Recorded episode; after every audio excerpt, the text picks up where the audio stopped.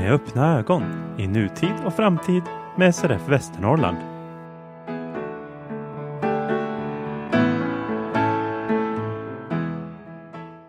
Första augusti är här och så även podcasten med öppna ögon som ni hörde redan på signaturmelodin som förhoppningsvis är välbekant vid det här laget. Vi håller på i ett och ett halvt år ungefär från första februari 2022.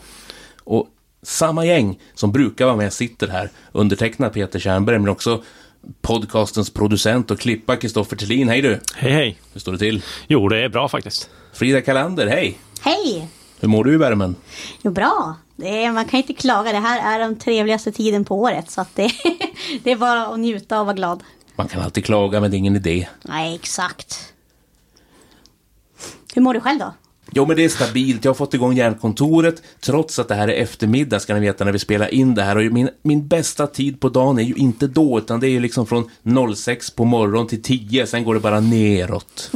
Och lite uppåt igen efter 21. I det här avsnittet kommer ni att få hänga med till Almåsa havshotell i Västerhaninge. SRF Västernorrland har gjort en sommarresa dit. Efter att ha varit i Stockholm fortsätter vi till Växjö för att höra röster och resultat från Unga med synnedsättnings riksstämma. Vi är nyfikna på vem som kommer att kreera rollen som US ordförande de kommande två åren. Vi avslutar med ett personporträtt. Vi möter Gunilla Thomsson. Den 27-30 juni begav sig ett 30-tal SRF-are från Västernorrland tillsammans med ledsagare från Härnösands folkhögskola till Almåsa havshotell, tidigare Almåsa konferens, tidigare Almåsa kursgård i Västerhaninge. Det här är alltså synskaderörelsens gård kan man säga, för att via Synskadades stiftelse och Iris förvaltning med dotterbolag så äger Synskaderörelsen faktiskt Almåsa i form av Almåsa konferens AB och Almåsa fastighet AB. 1959, det var då Almosa förvärvades och kom in i synskaderörelsen. Det handlade om att få tag på något ställe där synskadade skulle kunna befinna sig på rekreation, dels utan att bli uttittade, som man sa då för tiden, av andra personer, dels för att till en hyggligt billig penning kunna ha just rekreation och kanske få lite mer assistans än vad man får på ett vanligt, inom citationstecken, hotell. Genom årens lopp så har man byggt till ett antal byggnader, standarden har höjts och idag är Almåsa som namnet antyder just ett havshotell. Det finns badmöjligheter, det finns eh, stigar att gå, det finns överhuvudtaget ganska mycket i form av anpassning, ledfyrar som signalerar som man hittar till sitt rum eller till receptionen eller vart man nu ska någonstans. Vad har ni för bild eller tankar runt Almåsa? Vi har ju varit där alla tre, framförallt på kurser och konferenser. Frida, vad säger du? Jag var där faktiskt innan man gjorde renoveringen och minns lite grann från hur det såg ut då. Och blev väldigt glatt överraskad när jag sen kom tillbaka i mer vuxen ålder på hur fint det hade utvecklats. Eh, och jag tycker det är väldigt trevligt att vara där ute. Jag gillar att det är ja, men ute på landet men ändå så pass nära Stockholm central. Det tar inte lång tid att ta sig ut dit. Ehm, eh, sen tycker jag det är en väldigt trevlig miljö runt Almåsa, särskilt årstiderna runt vår, sommar, höst. Att man kan få frisk luft och ta sig runt där på ett enkelt sätt. Så att det jag uppskattar verkligen att vara på Almåsa. Jag ser fram emot också att åka dit någon gång på rekreation och faktiskt bara få vara där och njuta och ta det lite lugnt. För att hittills när jag har besökt Almåsa så har det bara varit i form av jobb, av exempel ombudsmanutbildningar eller olika konferenser jag deltagit på som US-ordförande. Och då är det också väldigt långa dagar och man hinner inte alltid njuta av de här omgivningarna och kanske ja, men, testa poolen eller testa havet. Så att eh, jag testade faktiskt havet nu på ombudsmannautbildning, det måste jag säga var väldigt trevligt. Men eh, så att eh, ja, jag ser fram emot att uppleva Almåsa också lite mer som, eh, som gäst utan ansvar när jag är där ute. Har du några tankar där, Kristoffer, just om Almåsa som anläggning? Jag har också bara varit där på konferenser och där man haft saker att göra hela dagarna. Så att jag har inte varit runt så mycket på anläggningen, men jag förstår att den är väldigt uppskattad av eh, synskaderörelsen, av alla som kan åka dit på de här rekreationsveckorna under sommaren och så. Och det kan väl hända att jag kommer att göra det någon gång i mitt liv. Jag har faktiskt testat poolen. Eh, eh, ja, du har det? Ja, det- man eh, får göra det väldigt kort men eh, inte så, så långt som man vill kanske. Ja, eh, nej men eh, det, jag har jag smet dit en gång efter middagen på, på en konferens. Eh, så att, nej men det, det är trevligt, det går att lära sig att hitta där. Eh, absolut, så det, det är en trevlig anläggning.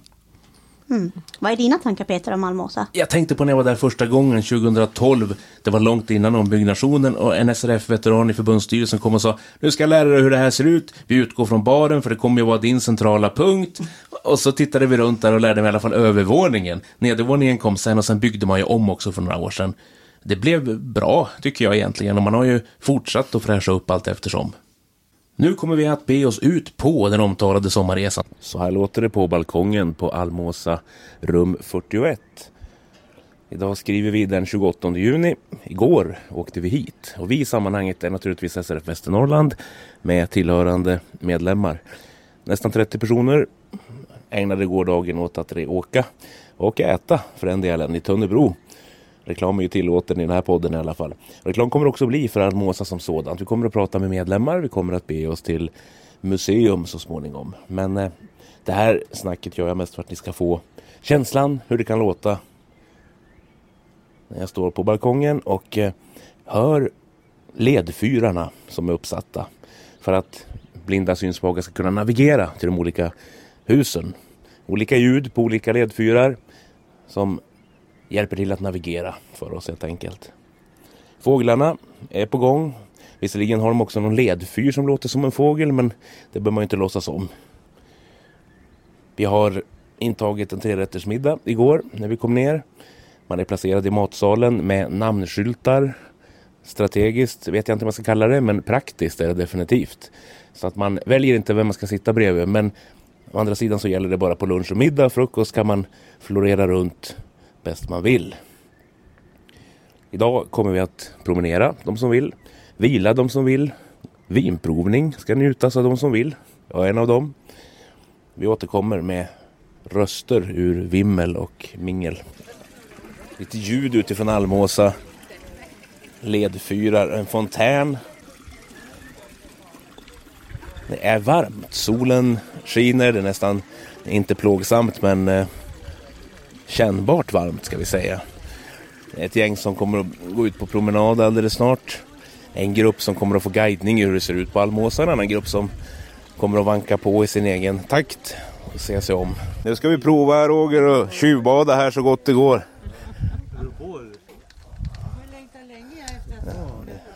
Ja, nu ska vi se. Följer vi någon kant här. Ja, ja, det här blir fint. Ska jag hålla dig i handen? Nej, jag följer efter här. Nu är vi ute på sand. Nu är vi ute på sand. Titta, nu är vi nära vattenmassorna här. Ja. Nu kommer du ut i vattnet. Nu börjar vi. Nej men vad skönt. Nu. Nej, men känn vad... Oj, oj, oj, oj. Det var fint det här. Nu har, har vi liksom vatten upp till knäna då, ungefär. Ja. Men det är ju hur varmt som helst. Ja, kom in du också. Vikingamuseet 29 juni. Vi har kommit in i museet ska vi säga och står och väntar på resten av gänget här. Men är det föremål eller målningar som är på olika sidor här nu alltså? Ja, det är föremål och, och skyltar. Det känns som att det är en museibyggnad i alla fall. Och till höger är det två eldar som brinner. Har någon varit här förut? Nej, Är debut? debut ja. Vi ska prata om vikingatiden och då ska jag försöka hålla mig till våra minuter. Jag kan prata vikingar hur länge som helst. Eh, Men jag ska försöka hålla mig till ungefär 40 minuter. Du delas alltså ut, vad sa du det här var? Det var fisk respektive tranbär. Just det, som, som folk nu... Alvar håller på och smaka på något. Vad, vad, får, får du någon känsla? Jag fick tranbär i första hand och den var jättegod verkligen. Söt och... Men var det här är fisken? Nej, det är tranbär det där. Ja, det, det är jättegott. Tappat, tappat eh, fiskbiten. Ja, det Men är. fiskbiten var torr. Ja, men Du, du provade den ja. Ja, Men tugga lite och blöta lite, då blir det då blir okej. det Det, det räcker en stund i alla fall kan man ju tro. Resans sista dag, Thomas Norberg. Du kom med på slutet av resan här, eller du kom med som, som sist anmäld? Ja, eh, jag så frågade mig om, om jag ville följa med. Och jag hade frågat flera gånger tidigare. Och, och nu insåg jag liksom att nej, men det här är ett bra sätt. Och nu kan jag smita från jobbet. Det finns inga elever där och ingenting. Och, ja, det är folktomt i stort sett. Så att då, då smet jag från jobbet helt enkelt. Du ser, hur har du upplevt veckan här? Det var jättebra och trevligt folk och jättegod mat, säkert gått upp något kilo som jag egentligen skulle ha gått ner. Nej, så att nej, men det, det, det har varit bra. Det är första gången jag är, är här. Nästan första gången jag var här för 30 år sedan också. Hur mycket har hänt sedan dess?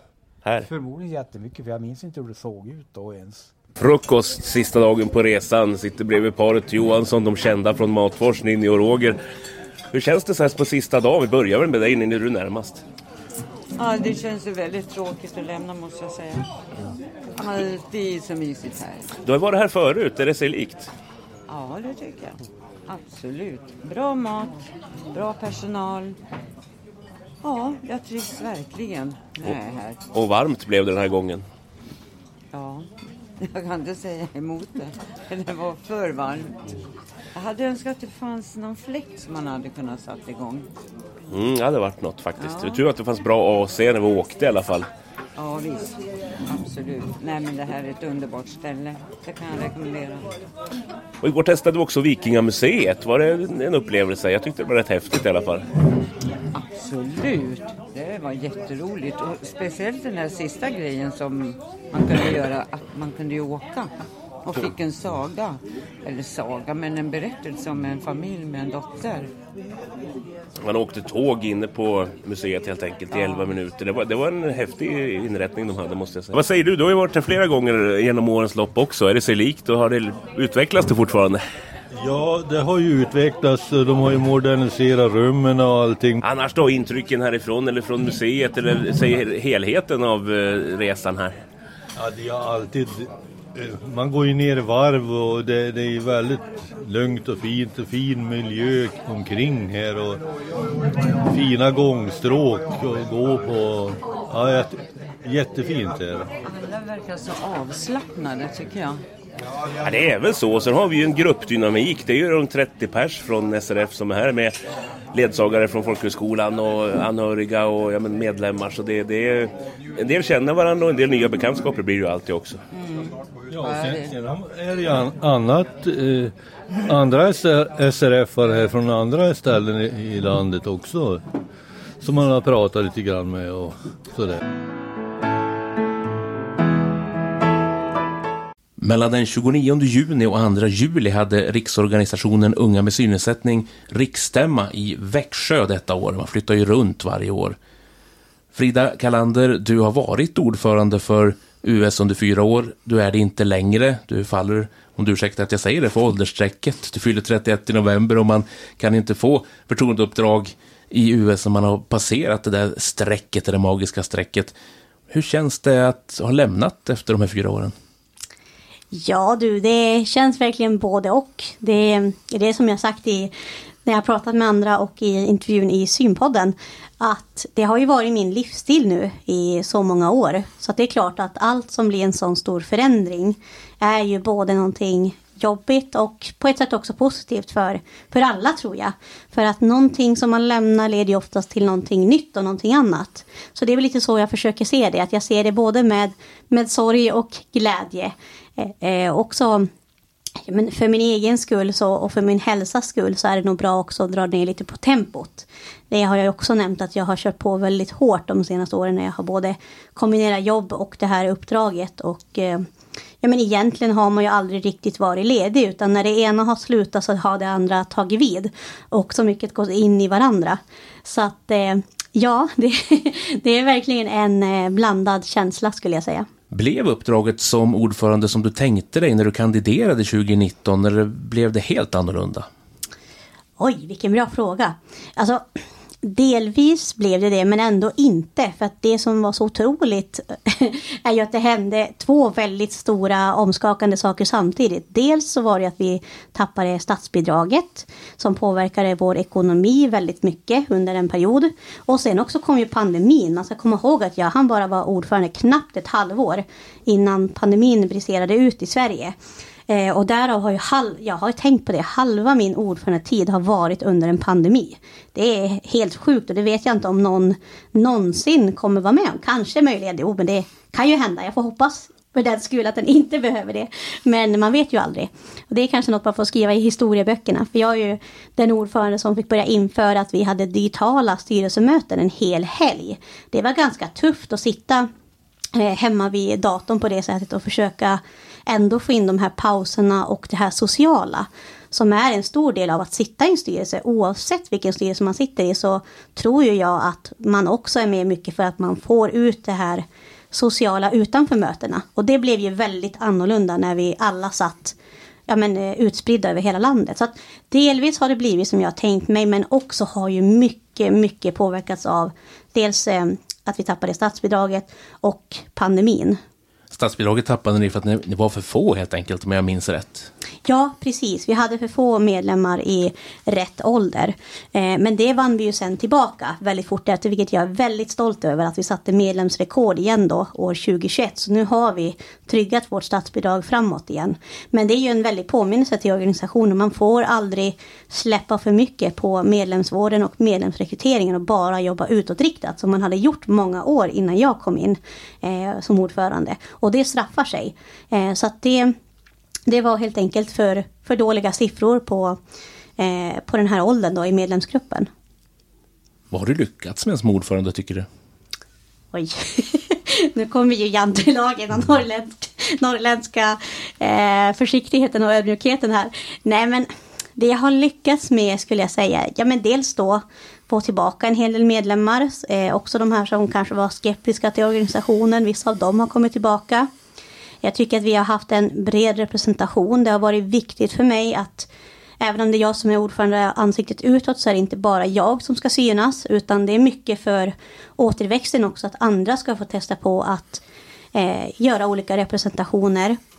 Eh, och sen också att jag har stärkt samarbeten med, nej, stärkt samarbetet med andra organisationer som vi står väldigt nära men som jag tyckte när jag kom in att vi inte riktigt var så nära som vi borde vara. Till exempel med SRF och FSDB har vi kommit närmare under den här tiden. Även andra ungdomsorganisationer i funktionshindersrörelsen har vi kommit närmare med under de här åren. Har du några visa ord att skicka vidare till dina efterträdare? ja, hur, ska en bra, hur ska en bra ordförande vara tycker du? Om vi börjar där då. Ja, just det.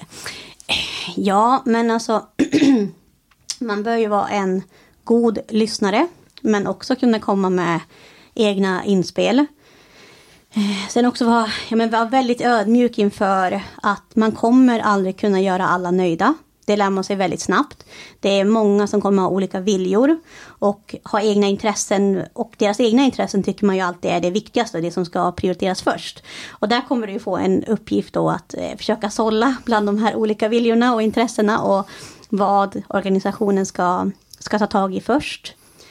Um, ja, och sen också men, vara uppmuntrande mot sin styrelse och försöka försöka se vad de har för styrkor och lägga deras fokus och engagemang där. För då får man ut som mest av sina styrelsekollegor.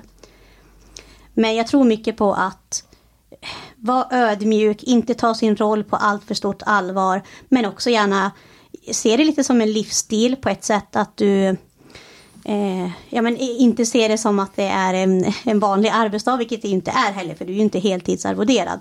Men att det kan vara så att du får prata kvällar, helger och eh, så är det. Men du måste också kunna vara ledig och ibland säga att du har ett privatliv. Så det är verkligen en fin balansgång där.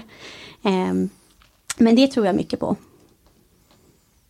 Vilka frågor tror du är viktigast för US att jobba med under säg, den kommande tvåårsperioden? Dels som sagt, det som jag nämnde innan, inte glömma det här med medlemsrekryteringsarbetet och medlemsvården. Det är ju både det att hitta nya medlemmar men också hur behåller vi de vi har idag. För det är lite meningslöst att kasta in flera hundra men inte ta hand om dem och inte ha någon plan för dem. Eh, och de som redan finns. Eh, och sen, nu ska vi se vad det var jag tänkte på, det var något mer. Mm, mm, mm. Ja, och sen eh, vilket lite grann hör ihop med det jag nämnde, är ju att i en sån här organisation så blir det naturligt att det blir olika generationsväxlingar. Och det är ganska många som har varit aktiv länge som lämnar de kommande åren. Eh, och där gäller det att hitta nya eldsjälar, nya förtroendevalda. Det är alltid en utmaning. Eh, och få dem att vilja engagera sig och att de ska hitta sin, sin roll i organisationen. Och också behöver man fundera på hur vi lockar fler tjejer till organisationen. För det är faktiskt någonting som, eh, som märks att det är ett lägre engagemang bland tjejerna i organisationen och att det finns en, eh, ja, men en killdominans i eh, unga med synnedsättning. Och det kan bero på många saker men det är någonting man ändå kan ha som en seriös diskussion och fundera på att det finns, hur, hur får man de här som ändå finns ute i landet? Vi vet att de finns och hur får vi dem att känna att US är relevant? Nu har vi hört Frida Kalander som lämnat posten som US-ordförande efter fyra år. Frågan är då, vem bekläder numera posten som ordförande? Nu står jag här på Riksorganisationen Unga med synnedsättnings riksstämma år 2023. På fredag eftermiddagen inledde avgående riksordförande Frida Kalander stämman med ett tal då hon berättade vad US har betytt för henne. När jag var 14 år så var jag en väldigt osäker tonåring som absolut inte ville att det skulle synas eller märkas att jag såg dåligt. Då står jag då här 16 år senare från den där 14-åriga Frida som försökte rusa ifrån sin synpedagog och mamma. Ehm, och det är mycket som har hänt sedan dess. Jag kan säga att jag kan tacka US bland annat väldigt mycket för att jag till slut vågade börja ta upp den där eh, markeringskäppen som låg i min byrålåda. Förutom självförtroendet kring att leva med en synnedsättning som US har bidragit till under de här åren så har det också gett mig kärlek. Det har gett mig otroligt många fina minnen. Det har gett mig massa erfarenheter som jag nämnde tidigare, som jag aldrig annars hade gjort. Jag hade nog absolut kanske inte suttit i Nyhetsmorgon eller stått på Mynttorget eller rest till Bryssel eller varit i Nepal. Alltså jag kan nämna hur mycket som helst. Det hade jag inte gjort utan att jag fick möjligheten från er. Det är ju ni som har gett mig möjligheten. Så är det verkligen. Eh, och jag har fått vänner för livet och med det också skratt för livet ut, tänker jag. Så att eh, även om ordförandeskapet snart tar slut så är det ju livet 2.0 som börjar skulle jag säga. Och jag kommer träffa er i andra sammanhang och på andra sätt. Eh, och eh, som sagt, det är många av er som kommer vara mina vänner för resterande delen av livet. Hoppas jag i alla fall. Jag vet inte om ni hoppas det. jag hoppas det är ömsesidigt.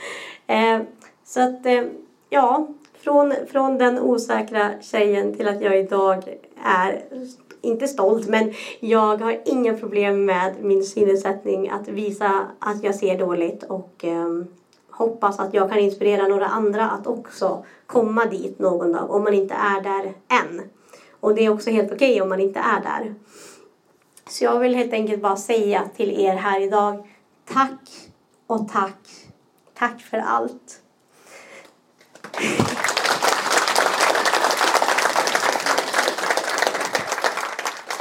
Nu ska jag prata med några personer om hur de tycker att stämman har gått och vad de tycker är viktiga frågor för US att arbeta med. Emma Mango, hur tycker du att eh, riksstämman 2023 har varit? Eh, jag tycker det har varit en väldigt bra stämma. Eh, jag tycker det är väldigt intressant att vara med på sådana här saker och se hur liksom hela eh, organisationen fungerar och hur vi arbetar och eh, för mig som sitter med i, eh, i Syds eh, styrelse så är det också väldigt roligt att liksom träffa alla och se lite grann hur liksom olika distrikt jobbar. Hur länge har du varit med i Unga med synnedsättning? Jag har varit med sedan 2019 och sen har jag suttit med i styrelsen sedan 2020. Snabbt in i styrelsen där. Eh, du valde att kandidera på ett fyllnadsval till riksstyrelsen mm. och har kommit in som eh, ledamot på ett år. Eh, vad fick dig att vilja kandidera och hur känner du inför uppdraget? Jag fick förfrågan av Linus Johansson för ganska länge sedan om jag ville kandidera. Och då var jag väldigt mycket så här tveksam över hur det skulle eh, hur jag då skulle kombinera mitt jobb liksom med, med det här uppdraget. Eh, eftersom jag är i en period där jag söker jobb så visste jag inte riktigt hur det skulle se ut. Eh, samtidigt som jag då var ganska nyfiken och intresserad av att faktiskt prova på att sitta i riksstyrelsen och eh, lära mig nya saker. Jag ser fram emot det. Mm. Är det några speciella frågor du ser fram emot att arbeta med? Eh, jag brinner mycket för påverkansfrågor. Eh, även tillgänglighetsfrågor är någonting som ligger mig jättevarmt om hjärtat. Eh, jag tycker det är väldigt viktigt med fri rörlighet, att även vi med synnedsättning och personer med andra funktionsnedsättningar ska kunna röra sig fritt i samhället och vara, inte vara beroende av hjälp och annat. Tack så jättemycket och lycka, lycka till. Stort tack!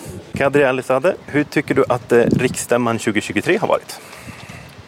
Ja, den har varit väldigt intressant. Vi har haft många långa diskussioner, mycket, mycket fram och tillbaka, vilket jag tycker är väldigt bra för en demokratisk process som är välfungerande. Jag tror att många har fått eh, ifrågasätta saker som de undrar över och fått bra svar eller, eller um, gjort liksom viktiga yrkanden som kan förbättra organisationen som helhet. Och hur länge har du varit med i Unga med synnedsättning? Ja, jag har varit aktiv i nästan precis ett år faktiskt. Eh, min första aktivitet var förra riksstämman 2022. Du, bör, du började hårt med en riksstämma på en gång. Ja, jag gillar att köra så. Jag tycker att det är en bra så, crash course för vad vi håller på med och vad vi står för och vad vi vill göra i framtiden. Har du några förtroendeuppdrag i föreningen idag? Innan den här stämman? Ja, det har jag. Jag sitter som ordförande för USMIT sen nu i mars. Och sen kom jag även in i riksstyrelsen nu under stämman. Och som du sa så kom du in i riksstyrelsen. Du kandiderade på två år och blev vald till ledamot på två år. Vad, vad fick dig att kandidera och hur ser du på uppdraget?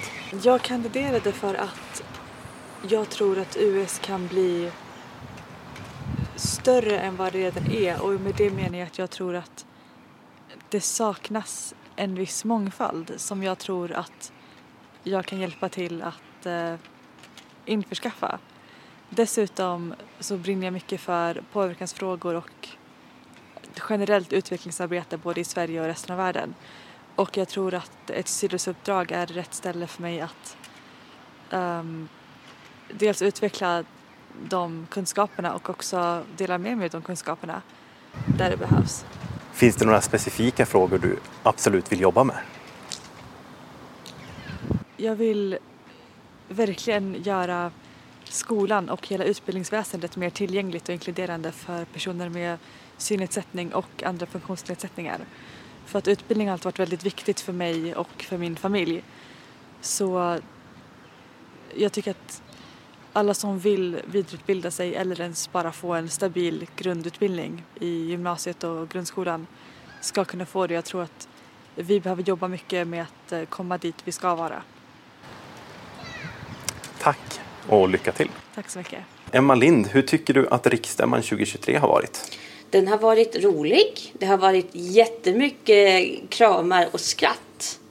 Men det har varit en ovanlig stämma på det sättet att det har varit så svårt att välja ordförande. Det var ju så vansinnigt jämnt mellan kandidaterna som ställde upp så vi fick väl rösta om tre eller fyra gånger tror jag. Ja, det var galet jämnt var det. Hur länge har du varit med i Unga med synnedsättning?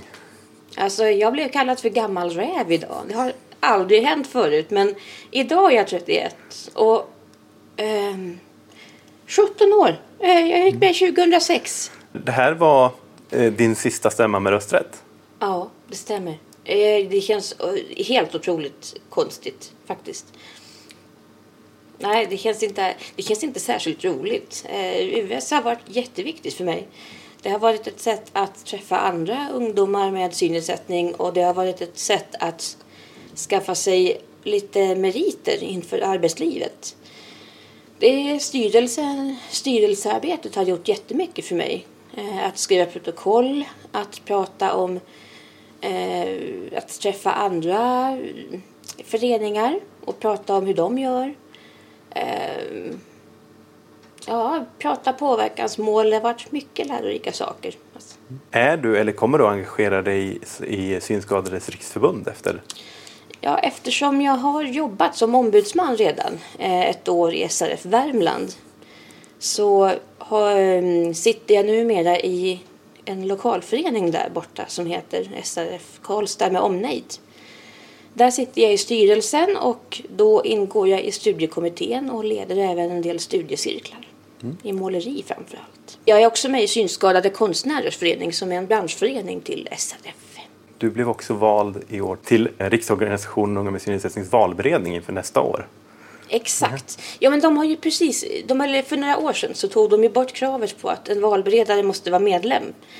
Och då passar jag på att bli valberedning istället. Jag har ju varit valberedning åt ganska många distrikt genom åren. Framförallt har jag varit valberedning åt US Norr. Eh, som har varit ett väldigt roligt distrikt att jobba i. Eh, och nu då passar jag väl på att göra en sista insats för US Riks. Vad tycker du är de viktigaste frågorna som Unga med synnedsättning driver? Jag vill alltid slå ett hårt slag för själva medlemsnyttan. Att vi stärker våra medlemmar och ger dem självförtroende att klara av mer saker. Det har alltid varit det viktigaste, oavsett vilka frågor som har varit på tapeten. Så att man ska stärka dem. Eh, Sen är väl alltid utbildning och arbetsmarknad viktiga frågor för mig. Tack och lycka till. Tackar. Valet till ny riksordförande för Unga med synnedsättning var mycket spännande. Nu ska vi få höra hur resultatet blev. Efter en rafflande valomgång valdes Mattias Winsa till ny ordförande för Riksorganisationen Unga med synnedsättning. Vi får börja med en eh, gratulation och samtidigt börja berätta lite om den här rafflande lördag eftermiddagen. Tackar, tackar. Ja, det var chockerande när man inte varit med om något riktigt liknande innan. Alltså, visst har man gjort något kanske sånt här på distriktsnivå eller så. Jag upplevde det inte alls likadant som det var som den här gången. Och mm, det var ju mycket att vi fick eh, berätta om oss själva inför folket där. Och, men sen fick man ju lyssna när några pläderade där. Och en av de finaste pläderarna var faktiskt från Kristoffer Thelin. Så jag har ju svårt till tårar men jag kände att mina ögon blev lite fuktiga i alla fall. Men sen började ju omröstningen. Och Det blev dramatiskt där. Det var flera omgångar vad jag förstår. gränsen att för att kunna bli ordförande så behövde man minst 21 röster.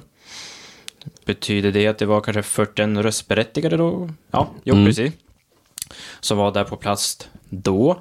Vi var ju tre kandidater och därav, ja, den som fick minst av oss tre fick därav hoppa ur leken. Så stod det mellan mig och en annan person. Det var ju tre omgångar. Eh, för första omgången då blev det ju mellan mig och den som hette Linus. Därefter så blev ingen igen fick eh, 21 röster, så blev en tredje omgång. Och där kände jag att, åh gud, jag kommer förlora. Och då tänkte jag mig att kanske bättre för mig att äntligen, för jag har ändå varit med i organisationen så pass länge. Så jag stod där och bara, ja, kanske skönt att få vila ut sen.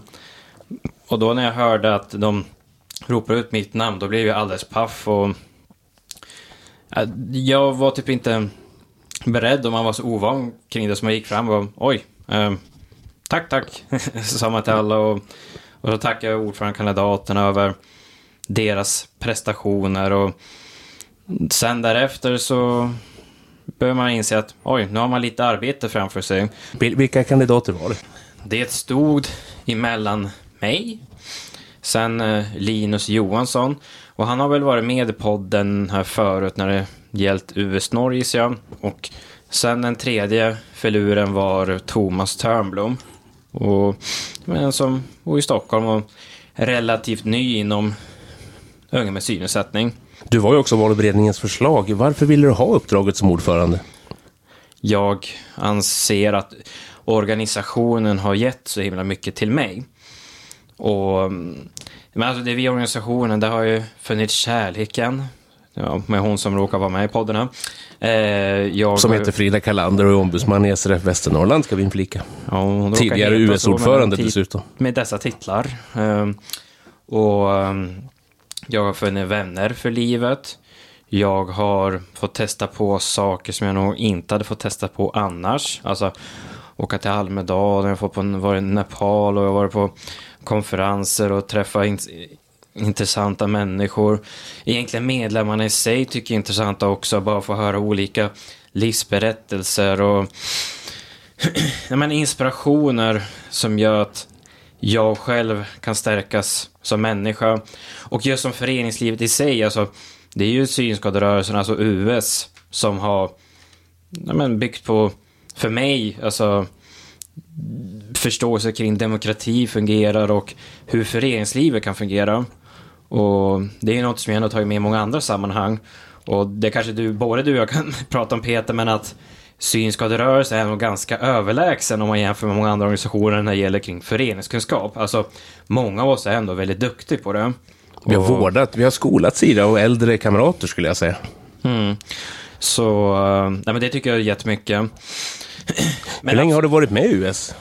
Vid 16 års ålder så började syn bli sämre där. Och det här var, skedde vid 2013. Då jag gick första året på gymnasiet och eh, ja men jag var hos optiken, optiken testade men eh, det blev inte bättre så jag fick typ spelförbud en vecka för att jag tittade för mycket på tv-skärmar. Eh, sen när jag kom tillbaka dit så var synen sämre. Och efter massa saker fick jag vara hos magnetröntgen och där trodde man att det kunde vara MS, hjärntumör eller en ovanlig ögonsjukdom. Och turen i oturen var väl att jag bara hade en ögonsjukdom. Det var ju en stor livsförändring att tappa från 100% till 10% på ett år. Och sen eh, två år senare, alltså 2015, då kanske jag såg typ 5 eller 3%. Alltså jag, jag såg bättre än vad jag gjorde idag, men jag var väldigt ny med situationen. Och där hade jag väl en mamma som var ledsen över min situation, att hon ville att jag skulle komma ut och få träffa. Så där hon lyckats hitta en förening som hette Unga Synskador på den tiden. De ringde dit och kom hon fram till en kille som hette Aron. Som hon ja, var ledsen att, kan ni hjälpa min pojk? Och då hade de tydligen en aktivitet i Åre där 2015 som jag fick testa att åka på. Jag var väl lite skeptisk till en början men tänkte, varför inte?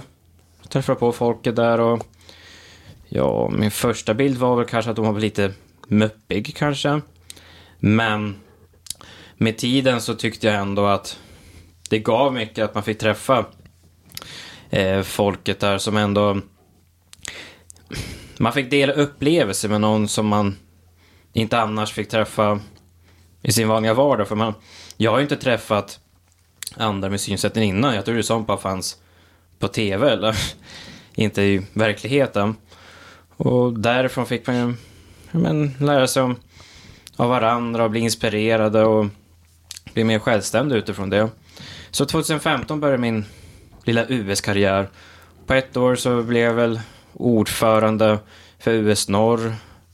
2017 hamnade jag i riksstyrelsen och jag har suttit där i sex års tid. Hade vi först Linus Forsberg som ordförande där och jag fick väl lära mig mycket under honom och även Kristoffer Trin var ju med där. Så att då var vi det som fick väl fundera ut hur man ska göra saker. Och därefter vid 2019 kom ju Frida. Och ja, jag har väl varit med där och fått lärt mig av vettiga personer. Hur kommer det att märkas att du nu har blivit ordförande för US? Jag och Frida har väl ändå... Vi har väl suttit tillsammans där och styrt så det kanske inte blir så här superradikala skillnader. Men sen skiljer kanske hon och jag oss åt kring hur vi kanske tänker saker.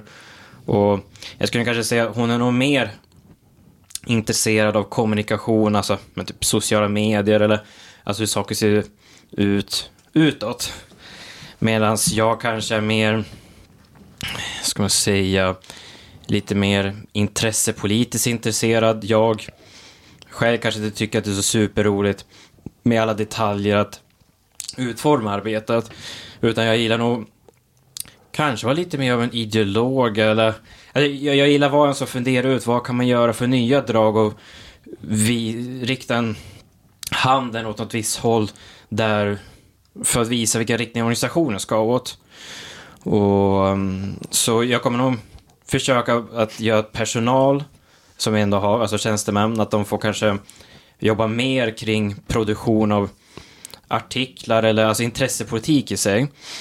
Och jag tror att det vore bra på något sätt att få en kultur att vi blir inspirerade av varandra och där vi ska kunna utvecklas till mer starkare och självständiga individer.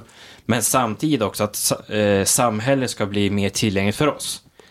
Men jag skulle vilja ha en lite större fokusering också att vi själva eh, måste kunna utvecklas också.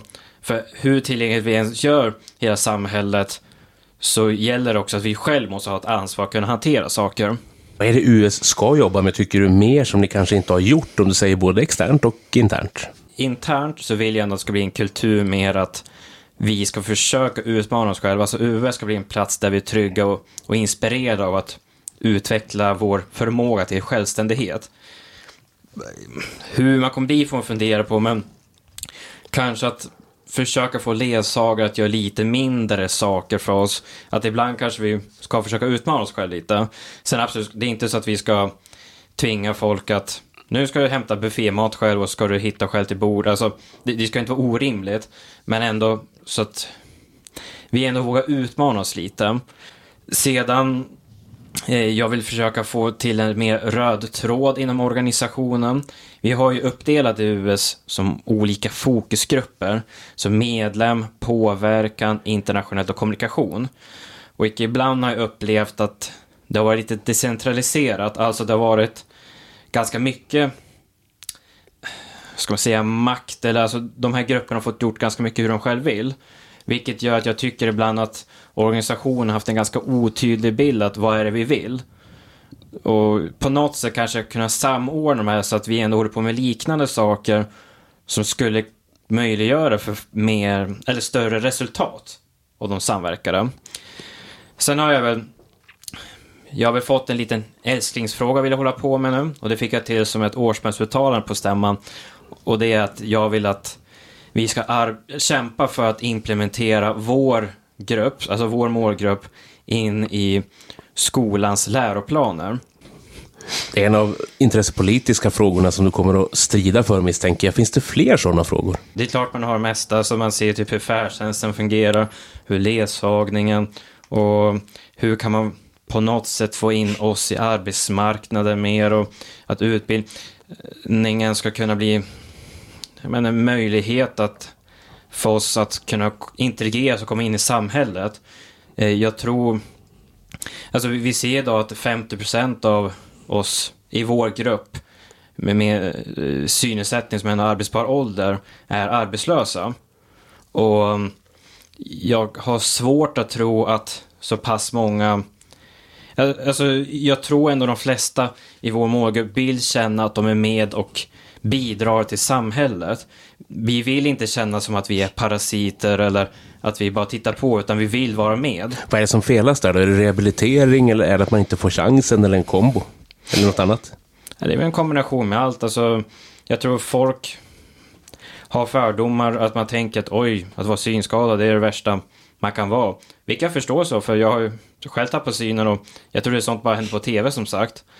Men man, man, man tänker att vi inte kan göra saker och man kanske ställer låga förväntningar på oss. Många nog i vår målgrupp kanske inte är habiliterad eller rehabiliterad. Och Alltså det är flera bitar men jag tror ganska mycket synen på oss kan vara en del av det. Men även rehabiliteringen. Det är många frågor på bordet. En fråga som är ständigt aktuell det är också medlemsantal, medlemsvärvning. Vi brottas med det i Synskadades riksförbund och det gör väl även US. Vad tror du US kan göra, måste göra för att vara attraktiv som organisation för personerna, vad är det, mellan 10 och 31 år? Jo, precis. Nej, men visa att det, vi är en organisation som när vi ändå har roligt tillsammans. Kanske lite det jag berättade i början här, att vi lär oss av varandra. Vi finner, alltså, för jag tror ganska många inom vår målgrupp är nog ganska ensam där hemma. Och man får testa på saker som man aldrig hade kunnat fått göra annars. Och att det finns en organisation som jobbar för våra frågor, alltså intressepolitiken. Visar man utåt att vi har roligt, då är nog fler benägna själva att vara med. Vad kommer att hända för dig och den nya styrelsen rent praktiskt nu? Du blir vald på stämman den första juli och vi spelar in det här några dagar senare. Vad har du framför dig nu att eh, ta tag i det första praktiskt om inte annat? Just nu börjar jag med att ta lite vila. Jag kände att jag höll på att kollapsa lite på slutet. Jag var väldigt trött. Men därefter, alltså, nu har vi fixat lite att eh, folk har fått lite eh, kallas för Microsoft 365-konton. Alltså, så man har, man kan mejla bra ifrån, man får åtkomst till Word och eh, mycket servern där inne. Eh, jag ska väl fundera på när vi kan ha en kick-off, alltså där vi i styrelsen kan ses och lära känna varandra och kanske finna där också vad vill vi med organisationen. Eh, jag ska försöka fundera på en konstituering. Exempelvis, vilka ska bli mina kompisar i presidiet? Som jag... Vad, vad innebär presidiet?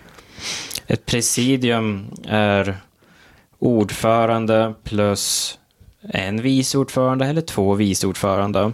Men eh, fundera och kolla med styrelseledamöter som blir invalda. Att vilka områden kan de tänka sig ha? Och utifrån det försöka få alla att bli så nöjda som de kan bli. Och ja, men, fixa ett dream team. Hur många ingår i US riksstyrelse? Elva stycken. Hur många nya kom in i år? Mm, jag tror det var fyra stycken. Så... Jo, Det är, en mix, stycken. det är en mix där ordentligt. Och på ny, nya, nygamla och veteraner. Ja, de har ju en gamling som mig som varit med i sex år, så har några andra som är fyra, fem år. Så, nej, men jag, jag tror det, det är en bra mix. Så jag tror det kan bli bra detta. Om någon vill komma i kontakt med dig, hur gör man då? Man skulle kunna skriva till ordförande eh, snabel-a ungsyn.se. Det är om det är lite mer externt om man vill få tag på mig. Sen har jag Mattias med 2t punkt vinsa W-I-N-S-A snabblaungsyn.se. Där kan man också mejla mig om man vill ha kontakt just i min US-roll. Sen finns jag ju på Facebook på med Mattias Vinsa där. Och där kan man skriva till mig på Messenger om man vill det eller om man har några funderingar. Så är det dags för ett personporträtt i vår serie som återkommer då och då med ojämna mellanrum. Den här gången har vi sökt oss utanför Västernorrland. Vi kommer att prata med Gunilla Thomsson. Hon kanske inte är så bekant för alla lyssnare, men det här är en person som har haft uppdrag inom synskaderörelsen i många år. Hon har också varit anställd vid Rikskansliet i många år och inte minst som ombudsman. Det kommer vi att höra om, men vi börjar helt sonika från början. Gunilla, jag vet att du är född i september 1962, men var? I Tierp, världsmetropolen här. Mer specificerat, är det med Hedeby vi snackar eller var, var är vi? Ja, alltså det är med Hedeby, en liten by som ligger utanför Tierp, men vi tillhör ju Tierps kommun. Gjorde ni det redan då, eller var ni egen kommun? Vi, vi var en landsbygdskommun, men eh, vi tillhörde Tierp eh, från det att jag eh, föddes där. Och jag vet att ni är tre syskon, varav två numera helt blinda, men hur var det då? Var, var du seende när du föddes? Nej, jag var synskadad men de, när de kunde mäta synstatusen på mig då var jag fyra år och då såg jag ungefär 0,3 med väldigt inskränkt synfält. Och man hade koll på mig bara därför att min bror, min, han är storebror så han är tre år äldre och han såg betydligt mycket sämre redan från början och därför hade man koll på mig. Vad berodde synskadan på då? Det är en RP, en RP som gör att eh, utvecklas väldigt eh, fort. Vad står RP för och vad innebär det? Ja, det innebär, det står för retinitis pigmentosa och eh, det är att man får kikarseende, ofta centralseende och fläckar som eh, breder ut sig på näthinnan och det här leder fram till blindhet. Men det börjar ju oftast för personer när man är vuxna vid, eh, ja, vid 20-30 års åldern annars men så var det inte för Gunnar och mig då som vi, min bror heter. Ni stack ut helt enkelt. Jajamän. Hur var det att växa upp där? Jag tänker att det här är, om du ursäktar uttrycket, landsbygd, 60-tal. Hur, hur såg omgivningarna ut där? Ja, alltså det var ju speciellt. Jag vet ju att min bror ville de skicka till Tomtebodaskolan men det sa min pappa helt ifrån. Vi var ju en landsbygdsskola med väldigt små klasser. Och vi var, det var väl inte så märkvärdigt att inte vi såg så bra där. Eh, och mina föräldrar var ju bönder så det behövdes att alla hjälpte till på gården. Så därför fick vi vara med och hjälpa till och, och eh, göra det vi kunde som man gjorde på, eh, eller när man har ett jordbruk. Så där så måste alla hjälpa till för att det ska gå ihop sig. Eh, Så därför fick man göra efter sin förmåga. Liksom, eh, så. Däremot så var det väl så att min mamma och pappa aldrig riktigt accepterade att vi såg dåligt sådär. Var det en skam eller var det bara att man inte ville ta i frågan? Jag tror inte att man ville ta i frågan. Men det, jag vet ju att det var väldigt mycket diskussioner från vilken släkt det kom och sådär. Det kommer jag ihåg när jag var liten. Så eh, på något sätt och vis så fick ju inte de någon hjälp att bearbeta det här. För då fanns heller inga syncentraler. Var det någon som pratade med dem om hur det var, vilka möjligheter ni hade? Jag tänker synkonsulentverksamheten hade startat upp, men fanns det något stöd någonstans? Man kan väl säga så här att i och med att pappa inte ville skicka iväg Gunnar till Tomtebodaskolan så, så fick vi inte så mycket hjälp. Jag kommer ihåg när vi växte upp så där att pappa satt om kvällarna och läste högt för Gunnar för att han skulle eh, liksom klara skolan eller så. Eh, det var väl först när Gunnar började i Tierp, när man började sjunde klass, då böt man skola liksom. Så då fick man åka in till ett större samhälle. Så det var väl först då han riktigt fick hjälp från eh, de här reselärarna som det hette på den tiden. Vad tänkte du om din egen synskada och hans synskada kontra att ni sen fick en lilla syster Anna-Lena som var fullt seende? Var det med i bilden eller förstod man inte skillnaden där som, som barn tänker jag? Alltså jag tyckte, tyckte att det var, eh, tyckte ganska synd om Gunnar sådär. Jag skulle gärna vilja byta. Jag tänkte att det hade varit bättre att jag hade sett sämre och Gunnar hade fått det där. Eh, sen eh, fick ju inte Anna-Lena någon synskada och det var ju fantastiskt bra eh, att ha ett syskon som var seende sådär. Och det, det var ju först då man när man liksom umgicks med henne som jag fick en förståelse över hur bra man egentligen ser om man har full syn.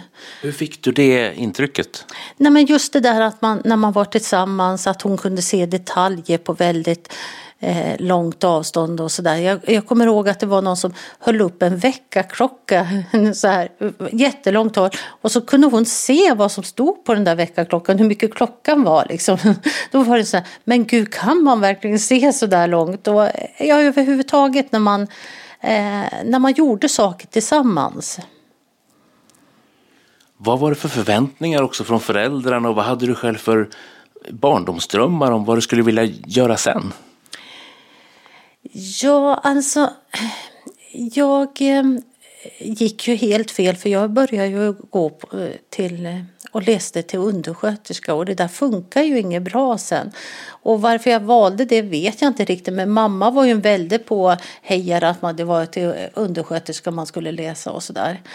Ehm, men det var väl när jag eh, kände att det här funkar inte för mig och jag var tvungen att ompröva mitt liv vid 18 års ålder. Det var då också jag började förlora en del av den synen jag hade och det var då jag kom till insikt att ja, men jag ska börja läsa ekonomi eh, och, och gick då på Eh, komvux i Uppsala här och läste in gymnasieekonomin och sen började jag läsa ekonomi på universitetet. Så det var då det föll på plats det här att jag måste skaffa mig ett mera administrativt jobb. Men innan vi kommer till ekonomin, hur var det att gå i skola? Hur var det med kompisar? Var det någon stor sak att ja, men hon ser dåligt eller den familjen har de minsann två ungar som ser dåligt? Eller hur, hur gick snacket där? Mm. Jag, jag kan väl säga så här att pappa var ganska ledande i den här byn vi växte upp i. Han var liksom den som alltid såg till att fotbollsplan var klippt och eh, han eh, var en av dem såg till, som såg till att idrottsföreningen levde. Så därigenom hade man lite ganska hög status. Så, så det var inte märkvärdigt att eh, man såg dåligt. Och sen hade jag en kusin som var jämnårig med mig som jag, jag var bästa kompis med. Sådär. Eh, så, så länge som jag var kvar i Mehedeby, eh, mina sex första år i skolan, då var det inga problem. Men sen när man flyttade över till Eh, Tierp och började då på eh, började sjuan, då började ju problemen. För då var det ju just det där att dels så ville man ju inte visa att man var synskadad. Man använde ju inte käpp. Eh, man såg inte i klassrummet. Eh, jag kunde inte läsa på tavlan. Det var mycket sånt där dumheter man höll på med och inte acceptera sin synskada. Jag hade inte heller någon nå eh, kontakt med någon reselärare. Jag tror ingen förstod i skolan hur dåligt jag såg egentligen eftersom jag hade det centrala seende kvar så kunde jag läsa ganska bra. Men jag vet ju att när jag började sjuan då hade jag ju som dålig läshastighet så då skickade de mig på intensivträning på läsning. För de eh, såg ju att det här är inte normala normala värden. Så jag fick en gång i veckan i, liksom, i flera timmar sitta och träna. För jag kunde ju bara se en eller två bokstäver sådär när jag läste och då blev det ju ingen riktigt flyt i det. Och det där förstod de ju inte riktigt vad det berodde på när jag hade så fina resultat på proven och sådär. Men inte kunde läsa som de tyckte. Kommer du ihåg, var det en vilsenhet inom dig själv också där innan du, som du säger, omprövade ditt liv i 18 års ålder med, med synskadan eller med eh, överhuvudtaget där du befann dig då? Ja, det var det. Och det var ju en väldig sorg att man inte kunde ta körkort när man bor så där på landet. Det var ju det som räknades. Det var liksom att man skulle bli 15 och få moppe och den körde jag fast jag inte borde. Eh, och Maria satt ofta bakpå och talade om att nu ska du svänga höger och vänster och att det inte inträffade en olycka var ju rena undret där. Men sen så när man inte fick ta körkort när alla andra utav sina kamrater började få det så det, det, det var det och det kändes verkligen att jag måste komma vidare från den här byn. Jag, liksom, jag klarar inte av att kunna utvecklas om jag är kvar här. Och det var mycket det som gjorde också att jag flyttade till Uppsala. Vad hände när du flyttade till Uppsala? Då du läste ekonomi, men vad hände mer inom dig också? Nej, men då började jag ju acceptera det här med att jag har en riktig synskada. Jag, jag såg till att få den hjälpen som jag behövde med talböcker och, och sådär. Och jag eh, såg till att få, tala om för eh, lärarna att jag klarar inte av att läsa på tavlan och jag måste ha en bra det var ju inte bara självklart att man fick bra papper då utan det var ju såna här stenciler så man kunde ju få dåligt tryck på sin... De, eh, de, man använde ju sådana här stencileringsmaskiner då. Men då började jag liksom ändå stä, börja ställa kraven och i den vevan var jag också mogen så att jag kunde eh, eh, söka. Då sökte jag mig aktivt till unga synskadade som man hette då på den tiden då och kom med där också. Så det var mycket i mitt liv att dels så eh, såg jag till att eh, utbildningen på något sätt och vis fungerade för mig och sen började jag söka mig mot andra synskadade kamrater. Men det låter som en stark mentalitet du hade. Var kommer den ifrån då? För att du säger att ja, men jag såg till att få böcker, jag såg till. Men, men alltså folk i gemen ser väl inte bara till. Jag tänker att det måste ha hänt något där. Eller, vi som känner dig vet att du har en enorm mental styrka. Men fanns den redan då eller utvecklades den för att den måste utvecklas?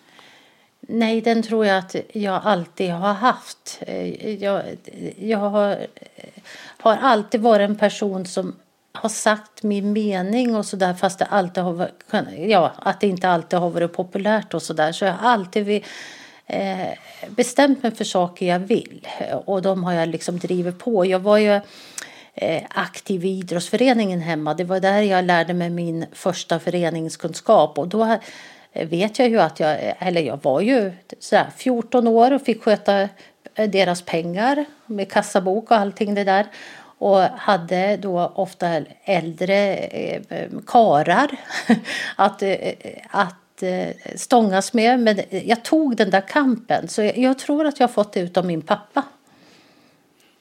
Det är med, inte medfött men det är på något vis ärvt i alla fall. Ja, att man skulle alltid säga sin mening, aldrig få ljuga och ta ansvar för sina handlingar. Det var liksom hans huvudteser i uppfostran som han gav oss.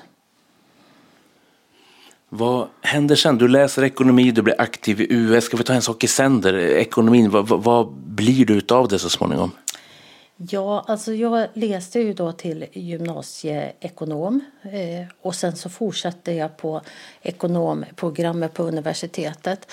Och i samband med det så åkte jag, råkade jag ut för ett par ögonoperationer vilket gjorde att jag fick göra avbrott för mina studier. Och eh, när jag låg där på sjukhus så började jag tänka att det här, eh, alltså klarar jag, klarar jag det här synkrävande jobbet och så då så annonserar de ut den här programmerarkursen eh, för synskadade som man hade på den tiden som var motsvarande högskolepoäng. Så jag sökte in där och kom in där.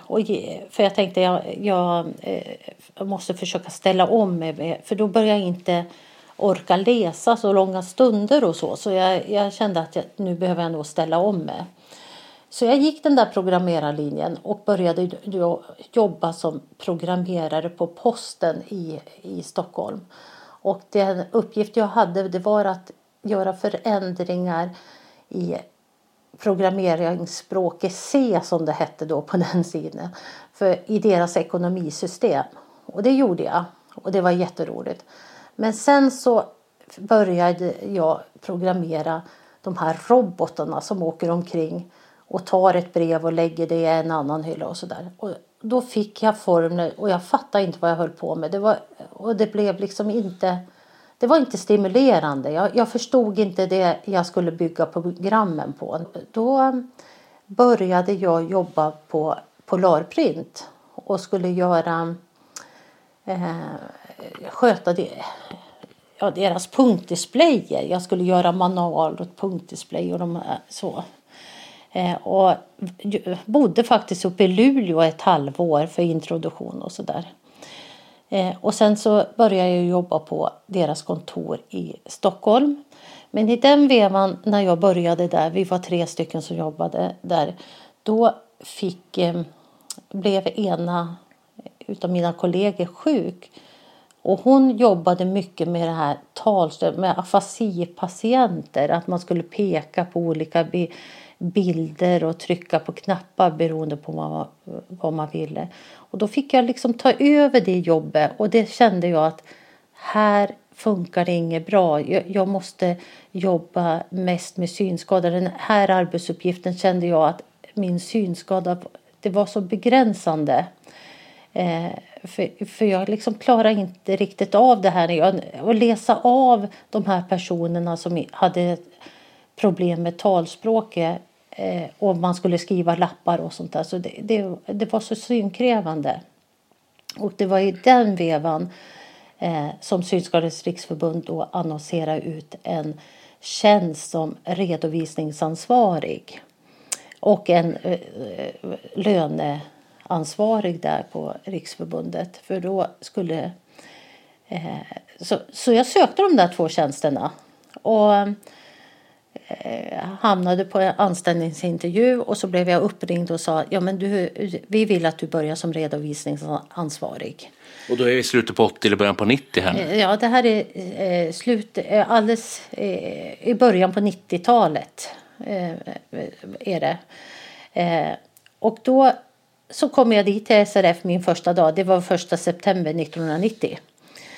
Och då får jag reda på, nej men du får ta det här med lönerna för vi, vi vill att du tar det istället. Och då var det så att lönerna skött, sköttes manuellt på Synskadades riksförbund. Man skickade listor till ett företag då som hjälpte till med beräkningarna.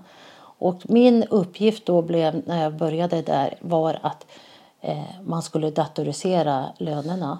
Så den resan var jag med på och fick det här projektet och jag tycker det var oerhört modigt av SRF att våga anställa en person som var 28 år som inte hade jobbat en dag med löner. Att eh, liksom föra över det här och, och sköta lönerna och då ska man tänka på att på den tiden hade våra för, vi hade ju jättemånga företag på den tiden så det var 700 löner som utbetalades varje månad. Men du var aldrig osäker du kände det här fixar jag? Ja, nej, det där, jag, jag, var, jag, det, här- jag tänkte det här måste man klara. Är man bara beredd att hugga i så måste jag kunna fixa det här. Det, så jag var inte orolig för det. Så det, det gav jag mig fan på att det här ska, det här ska jag kunna eh, fixa. Och det gjorde du? Fram till att synen sviktade ännu mer, eller hur, hur var det med det där? Ja, alltså sen så har det varit så med min retinitis pigmentosa, min ögonsjukdom, att jag har fått tre barn. Och 92 fick jag, eh, i slutet av 92 fick jag mitt första barn. Och då fick jag en kraftig synnedsättning och var hemma och var föräldraledig ett år.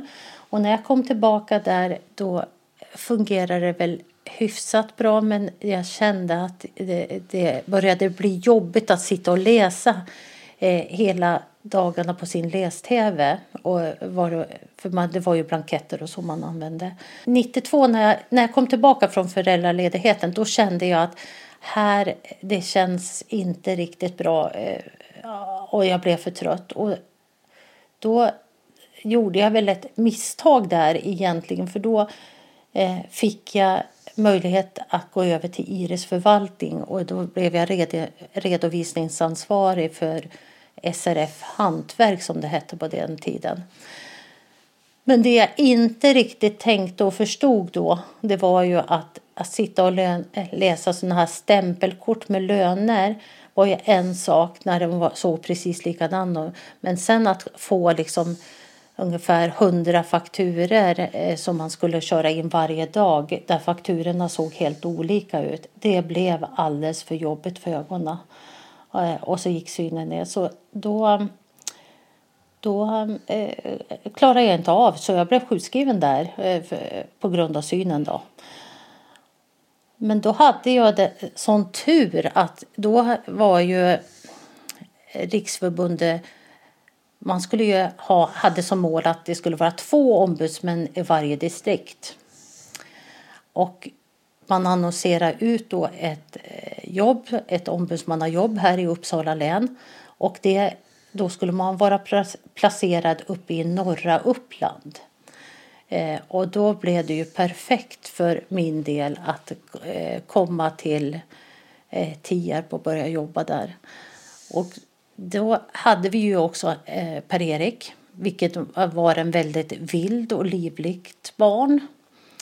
Så han tyckte verkligen inte om att gå och hålla mamma eller pappa i handen.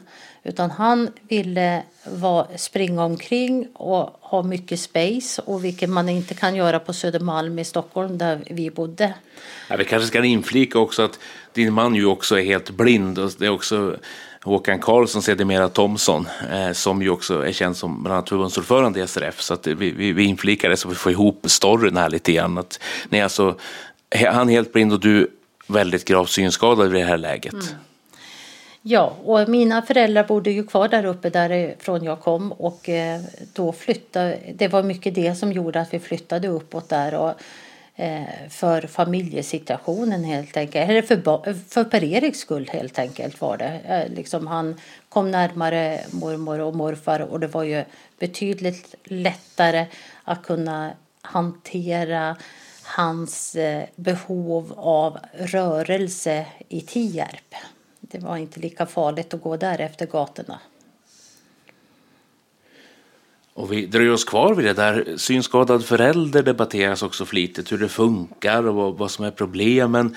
Jag har själv inga barn, men hur, dina reflektioner runt det här? Fanns det någon oro hos er innan? Ska vi ha barn eller eh, fixar vi det? Vad kommer att hända? Hur tacklar man det här och det här? Vad, vad rörde sig i huvudet där? Ja, alltså det, man, där var man ju... Jag, jag var inte orolig för att man eh, skulle, inte skulle fixa det. Och eh, Håkan och jag tyckte ju båda två att eh, vi lever ju, ett- eh, har ju levt ett väldigt bra liv som, eh, som eh, synskadade. Så det, det var ingen oro direkt om det. Vi, vi, vi visste då, vi tog reda på innan vi fick barn att eh, Håkans ögonsjukdom var väldigt ärftlig. Där är för, 50 procent. ja, 50 procent ungefär. Eh, men om man har uppsikt på de här barnen och kan stråla och sådär. Att det, det börjar ändå bli en väldigt bra prognos för, för de undersökta från början. Min ögonsjukdom var inte så ärftlig för då, då måste Håkan ha samma eh, fel på en gen där. Så det var inte så troligt att jag skulle föra min ögonsjukdom vidare. Men som sagt att det var det minsta bekymret. Men däremot när jag gick med, eh, med Per-Erik då började jag ju tänka att jädrar om, om, eh, om barnet blir dövt eller någon, får en sån ögon. Det började jag tänka på när jag hade blivit med barn. Liksom. Men det här med synskadan var vi inget oroliga för. För det tyckte vi att det kunde vi hantera så. Sen mötte man väl väldigt mycket eh, konstiga attityder sådär. Eh, alltså fördomar från folk. Att hur ska det gå? Hur ska ni klara av det här? Och, och sådär. Så det, det, det, det, fick, det fick man vara beredd, beredd på. Samtidigt så Eh, är ju vi ganska starka på det viset att vi vet vad vi klarar. Ingen direkt oro, men kanske oro för att man inte skulle kunna ge sitt barn det som alla andra barn får. Att man inte skulle fixa det där med lära dem åka skridskor och skidor och simma. Hur gick det till då? Nej, men alltså... Um, när det gäller simma så har, har ju vi varit simmare båda två. Så då gick man helt enkelt till bassängen och fick hålla koll, alltså hålla kroppskontakt så där väldigt mycket och, och kanske eh, ja, att man sa till badvakten att eh, kan du hålla lite extra koll när vi är i bassängen och så där. Och det ställde de upp på. När det gäller skidor och skridskor och, och så eh, så har ju jag kunnat det själv eh, eh, också. Men eh, sen har vi ju haft mycket hjälp av min syster som har haft barn ungefär i samma ålder. Som har liksom tagit med mina barn också. Eller eh, ja, man har varit med men kanske inte direkt i skidbacken utan man har stått bredvid skidbacken och, och varit där men inte på skidor så. Men det har varit pysslandet eh, så för att få allting att gå ihop. Eh, sen tycker jag också att när man när, man, när de gick på dagis, då var det inga problem. Och dagis för mig, det är alltså innan man börjar i sexårsverksamheten. Då funkar det väldigt bra om man hade väldigt bra kontakt med eh, personalen och de ställde upp och eh, gjorde extra insatser som eh, eh, att rita extra med dem, att lära dem färger och sånt där som man inte kunde riktigt sköta själv. Så det, där fungerade jättebra. Men det var väl mer i skolan sen när man skulle ha koll på det där att nu ska de ut på fritid, eh, friluftsdag och nu är det gymnastik, eh, någon extra gymnastik och sådär. Det var svårare att få skolan att eh, skicka ett mejl istället för att det satt en lapp och sådär. Eh, så, så det, det, det, var jobbigt under den tiden och lika läxläsning och sånt där. Eh, men då, då löste vi ofta det att eh, eller vi löste det att hade vi inte fått det inskrivet så eh, läste jag läs-tv och satt och skrev av det och körde ut det på punkt och sådär. Så det, det Ja, man fick hitta lösningar. Då, då såg du fortfarande någon, lite ja, så? Jag såg lite fortfarande. Upplevde du samma sak med Cissi, andra dottern där, så, äh, andra dottern säger jag, andra barnet som kom? Eller var det att du kände att ja, men det här har vi gjort förr, det här ska vi fixa en gång till? Eller hade synen försvunnit då? Eller vart är vi nu i din? Ja, alltså då såg jag himla dåligt, men jag kunde ändå se. Men det Eh, det kändes eh, inte något mer besvär att ha, oj, att ha två barn istället för ett. Så det, det, det var jag inte orolig för. Ehm, eh, sen, eh, men däremot så tog det, då, då tog det det mesta. Då var, hade jag väldigt liten syres kvar efter eh, att jag hade fått Cecilia. Då. Men det hänger ihop med graviditeterna det där. Jag vet inte, det, det, det, är inte något bevisat men för mig är det helt tydligt och klart att det har varit med de här tre graviditeterna jag har gjort. För sista graviditeten då tog det resten liksom. Det var då du tappade det sista slutgiltiga? Ja. Och då är vi inne på 2000-talet? Ja, då är 2003. Men inget av era barn, ni hade tre, två har överlevt och vi kanske kommer in på det också om du vill. Ja. Så, ja. Eh, har drabbats av synskada. De första två har det inte. Nej, de första två eh, klarade sig. De gick ju på eh, väldigt mycket kontroller på Sankt Eriks eh, i Stockholm. Och då var de tvungna att åka och sövas en gång i kvartalet. Och det här eh, var ju jobbigt för det man, satt, man var orolig varje gång man skulle åka dit och sådär. Att skulle de upptäcka de här tumörerna nu och sådär. Så det var ju lite olustigt. Och sen var det ju väldigt eh, jobbigt för barnen för de sövdes ju under narkos. Eh, sådär. Så det, det, det var ju inga tre, direkt trevliga undersökningar man var tvungen att göra. Eh, men eh, de klarade sig helt eh, från Eh, ögonsjukdomen.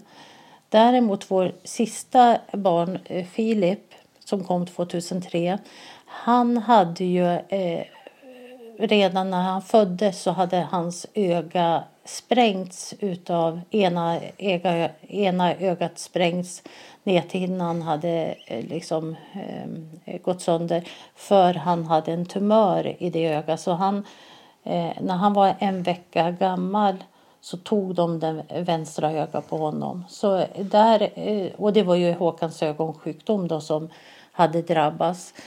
Eh, och det, eh, ja, det, det, det blev ju så. Men, eh, och det var ju förstås jättejobbigt och man tyckte att det var jobbigt för Filip att bli utsatt för det här. Men det var vi inte heller. Alltså det, vi var inte speciellt jätteoroade för det. Alltså, så, vi, eh, vi visste ju att det här kunde hända så.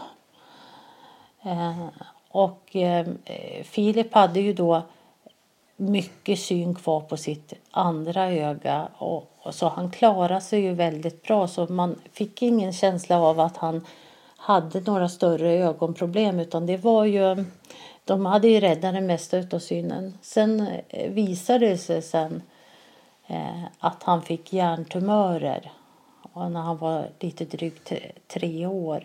Av samma ögonsjukdom ska vi säga i, i grunden. Ja, precis. Det var nog celler där. Och här, så här kunde det hända extrema eh, undantag, eller extrema, det var extremt ovanligt. Det var, hade varit eh, 20 år sedan eh, senast någon i Sverige hade drabbats av det här.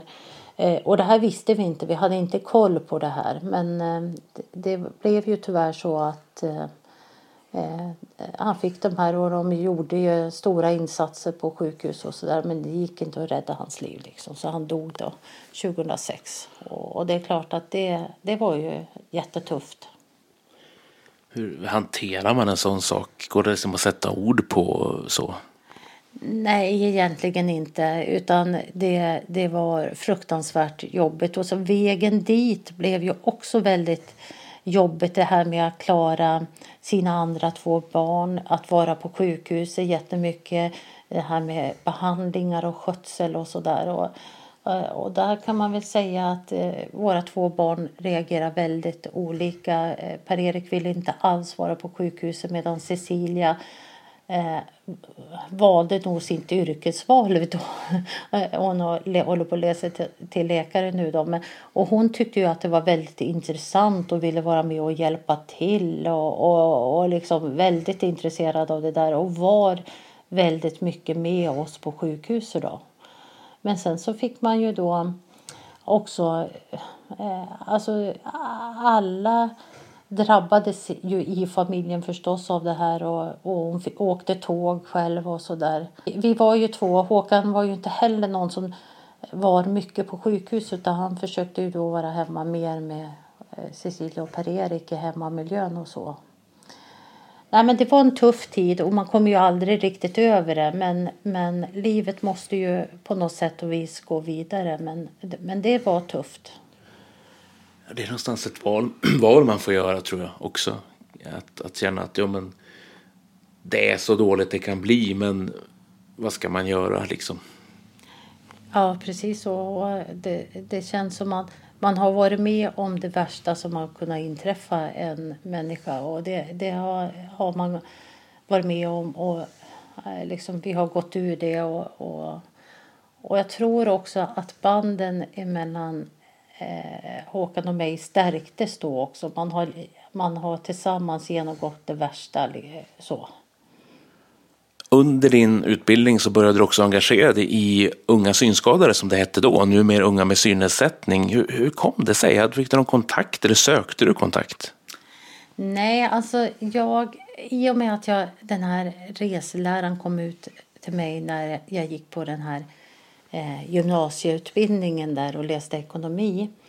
Då fick eh, Svux tag på mitt namn, alltså US Svux som var det distriktet som man omfattades av när man bodde här i Uppsala. Vad, vad var det där svux? Vad betyder det? Ja, det var ju länsbokstäverna då för Uppsala, Västmanland, Gävleborg och Dalarna. Eh, och då började jag få brev från dem. Eh, och Jonas Linder började ringa till mig och sådär. Och så, men då tänkte jag väl ändå till, eh, efter ett tag att nej men jag, jag, jag ska börja prova. Jag ska prova det här i alla fall. Och, och på den vägen blev det att jag åkte på en svuxaktivitet och sen när jag började läsa ekonomi på universitetet då gick ju jag tillsammans med Lars Engberg som eh, är en blind kille eh, bosatt i Gävle eh, som också var väldigt aktiv då inom unga, eh, unga synskadade. Eh, så det blev lite naturligt att man kom med där och jag trivdes bra. Jag kom med i styrelsen ganska snabbt där i, i distriktet och eh, eh började ju sen då jobba eller eh, hade förmånen att få bli vald på, till riksstyrelsen eh, inom unga synskadade. Vilket år är vi på nu? Jag vet att du kom in i riksstyrelsen och jag vet att du fick en hyggligt tung post men så du eh, fick ju ta hand om ekonomin där också. Ja, alltså jag slutade eh, ju 91 eh, och eh, då hade jag varit aktiv i sex år. Eh, så det må, 85 kanske? Ja, 85 någonting sådär kom jag med där i, i US-riksstyrelsen. Och som sagt att eh, det blev ju ekonomin som eh, efter två år som jag eh, fick förmånen att sköta och det var ju fantastiskt roligt. Det, vi eh, gjorde ju stora förändringar då. Vi hade haft ekonomin på förbundet men tyckte inte att vi fick eh, de rapporter vi ville och tyckte inte att vi fick den servicen vi ville. Så därför så började vi eh, sköta ekonomin själv på den tiden. Och det, den där vägen fick jag vara med, förmånen att vara med och bygga upp. Vad hände annars inom US under den här tiden? Det känns som att det var en väldigt expansiv tid. Medlemmar värvades, ni gjorde intressepolitiska aktiviteter. Men, men hur minns du det här? Ja, men det var en fantastisk tid. Vi hade, ju- dels så hade vi en, eh, en bra utbildningskampanj där vi åkte buss genom Sverige. Vi eh, hade det här med nummerupplysningen när vi gjorde den här civila olydnaden. Vad- Där vad var det? Nej, det var ju när nummerupplysningen inte skulle vara gratis eh, för oss när de skulle ta betalt för det. Så då samlade vi ihop jättemycket telefonkataloger och så åkte vi och hade av dem utanför Televerket som de hette på den sidan. De vräktes ut över parkeringen helt Ja, enkelt. precis. Och sen eh, stoppade vi infarten där eh, utav bilar till dem. Så det var ju liksom en sån där eh, olydnadsaktion som ju ändå fick väldigt genomslag. På vilket sätt? Ja, vi fick ju det här med eh, att man som synskadad fick gratis nummerupplysning till exempel. Och det var en stor sak för det ska man veta att det var inte så att man gick in på hitta.se på den tiden precis. Det var inte Google, Google kanske fanns men det låg inom Linda någonstans. Så man var hänvisad till, till nummerupplysningen i många fall. Ja. Och eh, överhuvudtaget så jobbar vi mycket. Det var ju vi, eh, vi började ju jobba mycket med kampanjformer. Verkligen utvecklar vi under den här tiden. Eh, där vi jobbar med ett, eh, ett tema åt gången och, och, och sådär. Och, och fick faktiskt hela US-organisationen också att vara med på det. Eh, så, och jobba åt samma håll. Var det fler aktiva då upplever du än idag eller var det just att man fick hela organisationen att gå i takt då? Nej, det var, det var ju mycket flera aktiva eftersom vi hade flera distrikt. Och distrikten eh, hade ganska starka styrelser. Det är klart att det varierar ju då precis som inom SRF beroende på vilka som var aktiva. Men eh, UB Smith var ju två, det var ju Svux och Dest och, och sådär. Så det, det var flera aktiva funktionärer helt enkelt. Sen hade vi också, jag vet inte riktigt hur man har idag, men vi hade också mycket temamöten, alltså möten där det var ett par från varje distrikt som åkte iväg på kurser. Eh, och det gjorde ju att man verkligen fick personer runt om i landet som eh, kunde frågorna som vi drev. Och efter US så hoppar du in på ombudsmannaspåret. Vad tänker du om hur det var att vara ombudsman då kontra nu? Ja, alltså när jag började då som ombudsman då var vi alltså två heltidsanställda ombudsmän i Uppsala. Och det gjorde ju att jag hade tre lokalföreningar eh, i norra de som var i norra Uppland. Och jag kunde ju lägga jättemycket tid på de tre lokalföreningarna. Jag var ju med i stort sett på alla styrelsemöten, eh, hjälpte till att driva kommunala frågor. Eh, vi, eh, vi hade ett distrikt med en star ganska stark styrelse och sådär och ett kontor där vi hade till och med en informatör anställd, en studieorganisatör och informatör. Så det var Eh, det var ju en väldigt stor satsning och man hade verkligen personala resurser att ta, hand och hjälpa lokalföreningen men även distriktet då. Känner du att det är skillnad? För du har ju också koll på hur ombudsmannaorganisationen ser ut idag i SRF om man jämför med vad man gör idag generellt. Eller det, tror du att det är olika distrikt från distrikt? Jag tror att det är olika distrikt eh, så, men när efter det här så hade man ju det här katastrofala att man hade regionala ombudsmän där man i stort sett satt på tåg och åkte fram och tillbaka men inte hann uträtta så mycket. Eh, men det känns ju ändå bra att vi nu har fått tillbaka det så att det är en ombudsman i varje distrikt. Det, det är ju en fantastiskt bra utveckling och, och den tror jag mycket på. Hur länge var du ombudsman där? Ja, 16 år var jag ombudsman. Vad hände sen? Ja, sen fick jag ju möjligheten då att eh, eh jag fick förmånen... För, först blev jag en sån här mentor som man hade när man skulle... Eh, eh, man utsåg ett par som skulle hjälpa och stötta eh, vissa regioner. Eh, så. Eh, men efter det så fick jag erbjudande om att eh, börja jobba på Riksförbundet på personalavdelningen där och vara en eh, arbetsgivarstöd till eh, eh, distrikten. Och från början så var vi två stycken, så då var det jag och en som heter Eva Sytreus som delade på landet. Eh, och jag fick också det här med, eftersom jag hade eh, jobbat mycket med ekonomi så fick jag det här med de eh, ansvaret för de ekonomiska stöden som eh, lämnas till lokalföreningar och distrikten.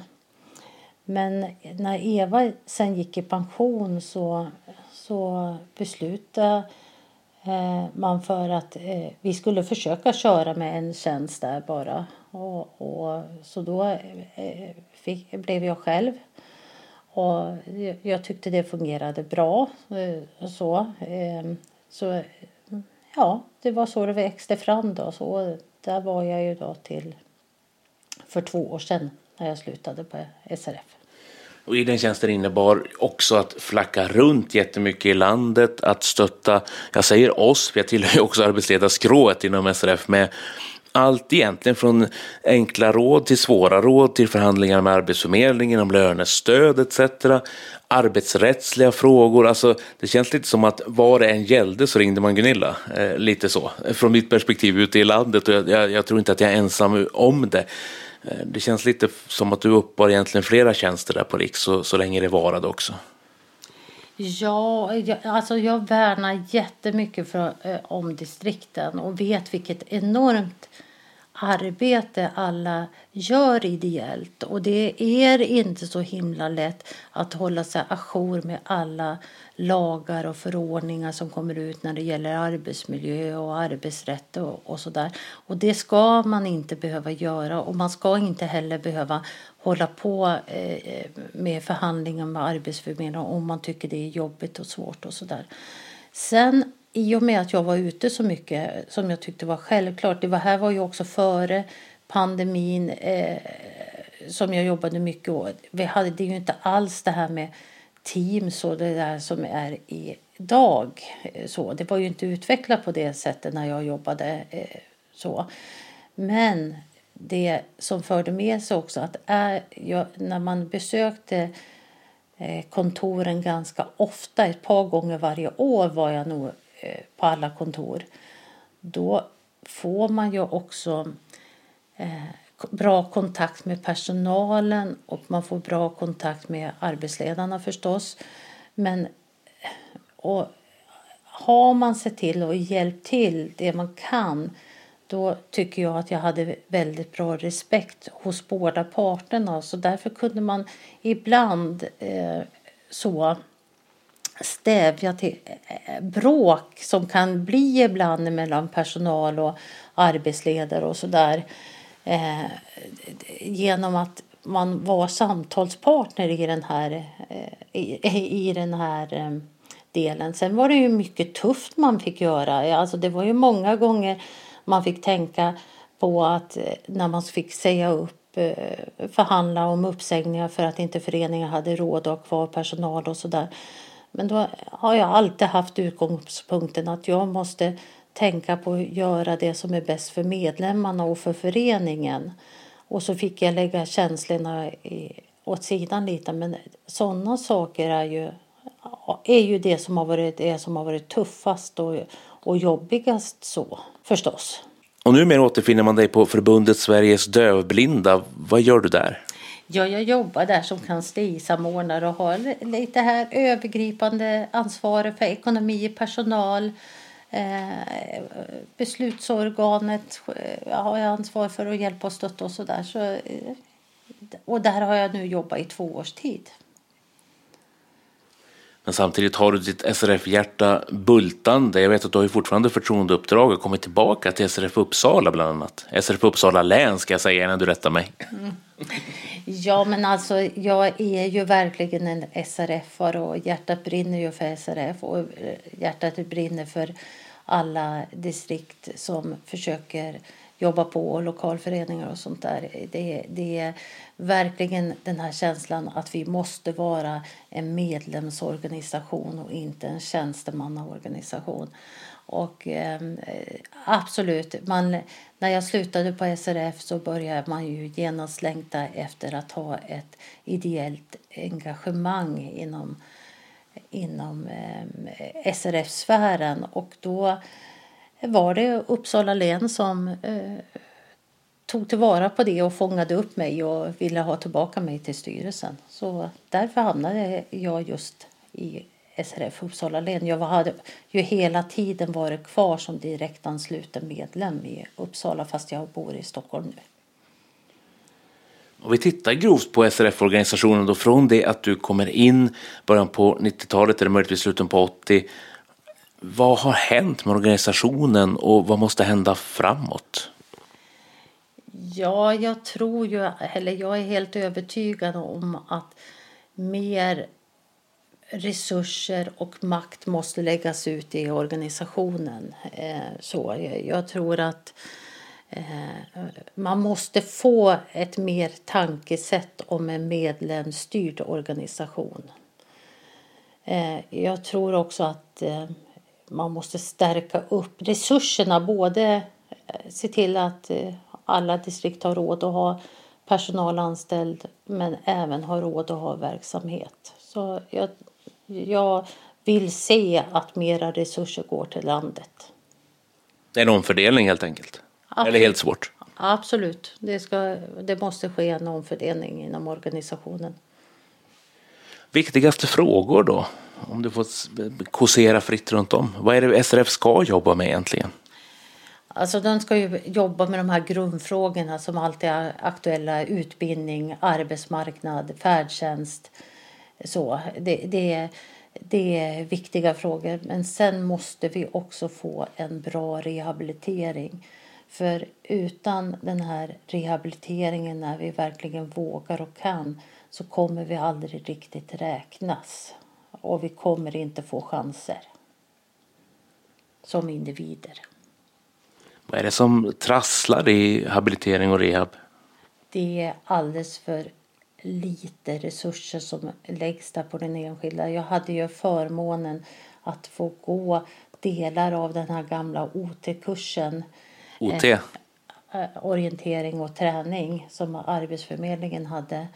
Eh, och det, det är just det där att man lär sig att klara sig själv, att, att våga stå upp som synskadad. Och det är jätteviktigt.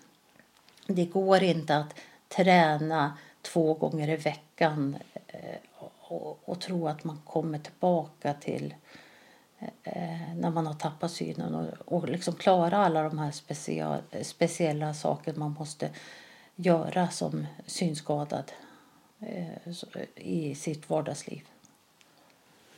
Ska SRF ta det här ansvaret själva och utveckla någon form eller ska man fortsätta kräva att ja, det här ska minsann finansieras av offentliga medel? Det där är en svår fråga. Jag tror att eh, vi ungefär som förbundet Sveriges dövblinda måste få, få till ett nationellt kunskapscenter för synskadefrågor och jag tror att vi behöver ha någon nationellt ansvar. Sen om det ska ligga på Försäkringskassan, Arbetsförmedlingen eller hos synskadade, synskaderörelsen. Det, det vet jag inte riktigt. Men gör, det kanske är så här att vi får synskaderörelsen måste visa att det här, det här behövs för att vi ska komma tillbaka. Det, men jag har inte riktigt tagit ställning i det, den saken. För ska vi göra det själv så måste vi också visa att vi är jättebra på det här. Förutom SRF, förutom USD vi har snackat om, alltså vad gör du på fritiden? Om jag säger barnbarn kanske vi leder in på ett spår. Ja, jag har ju förmånen nu att ha fått, fått tre barnbarn och de försöker jag eh, träffa så mycket som möjligt. Eh, jag eh, läser mycket. Jag tycker om att läsa. Vad läser du då? Eh, jag, jag är allätare på att läsa. Eh, så just nu eh, så läser jag Jan Guillous nya serie där han hans senaste två böcker där som handlar om hans fing... Vad heter det? Erik Ponti, hans Erik fungerade Ponti. Alter, hans alter ego kan man säga egentligen. Ja, precis. Men eh, så läser jag, jag mycket. Men sen så um, har jag ju en gammal mamma som eh, är 88 år nu. Så henne försöker jag träffa en hel del. Eh, överhuvudtaget resa, träffa vänner. Familjen betyder mycket för mig. Alltså både mina barn men mina syskon och, och så. Det lägger jag mycket tid på. Sen jobbar jag ju heltid och jag jobbar nog lite mer än heltid. Och med engagemanget här i Uppsala och barnbarnen så är det ungefär det som jag hinner. Så. Vad saknar du att göra? Jag saknar kanske att eh, resa lite mer. Men då, då, resa, då är det resor för mig det är i Sverige. Det saknar jag just det här att resa omkring som jag fick naturligt för i, i jobbet. Eh, jag skulle nog vilja börja simma igen. Det eh, känner jag att det skulle jag göra om jag hade mera tid. Men annars är jag ganska nöjd med mitt liv. Det var det vi hade att förmedla detta första augustiavsnitt. Sommaren är inte slut, men eh, vi känner väl ändå ett visst vemod mot september och framåt. Men gör nu inte det, för det kommer ju hända saker ändå. Ja, för den som gillar lite fart och fläkt så har vi en upplevelsekurs tillsammans med Härnösands folkhögskola som är den 2 till 3 september. Det är en lördag söndag. Och då kommer man få testa på att åka motorcykel och även under turen få stanna på en fin plats där vi tar med oss picknick och äter och dricker något gott, kaffe kanske, utomhus. Sen kommer man också få testa på grunderna i bugg tillsammans med instruktörer från en lokal dansförening i Härnösand. Och att delta på det här kostar 500 kronor och då ingår kost och logi i enkelrum. Man har möjlighet att få tillbaka ersättning för resa med hjälp genom skolan, så plats. Eh, sista datum för anmälan är den 16 augusti till det här. Och ni anmäler er till mig på antingen frida.karlander srf.nu eller genom att ringa eller smsa till 076 539 9225. I år kommer distriktet också stå på Selånge marknad mellan den 18 och 20 augusti och informera om SRF och om hur det är att leva med en synnedsättning. Så kom och möt oss där. Då är det dags att tacka för oss ytterligare en gång. Vi kommer tillbaka den 1 september. Vi håller en månads utgivningsplanen, vi lovar. Om ni vill kontakta oss med förslag på inslag, låta er intervjuas eller andra idéer, frågor, så hör av er direkt. Mejla till vastenorrland srf.nu eller ring ombudsman Frida Karander på telefon 076 539 9225. Handla klokt, handla lagom, ha det bra. Vi hörs första september.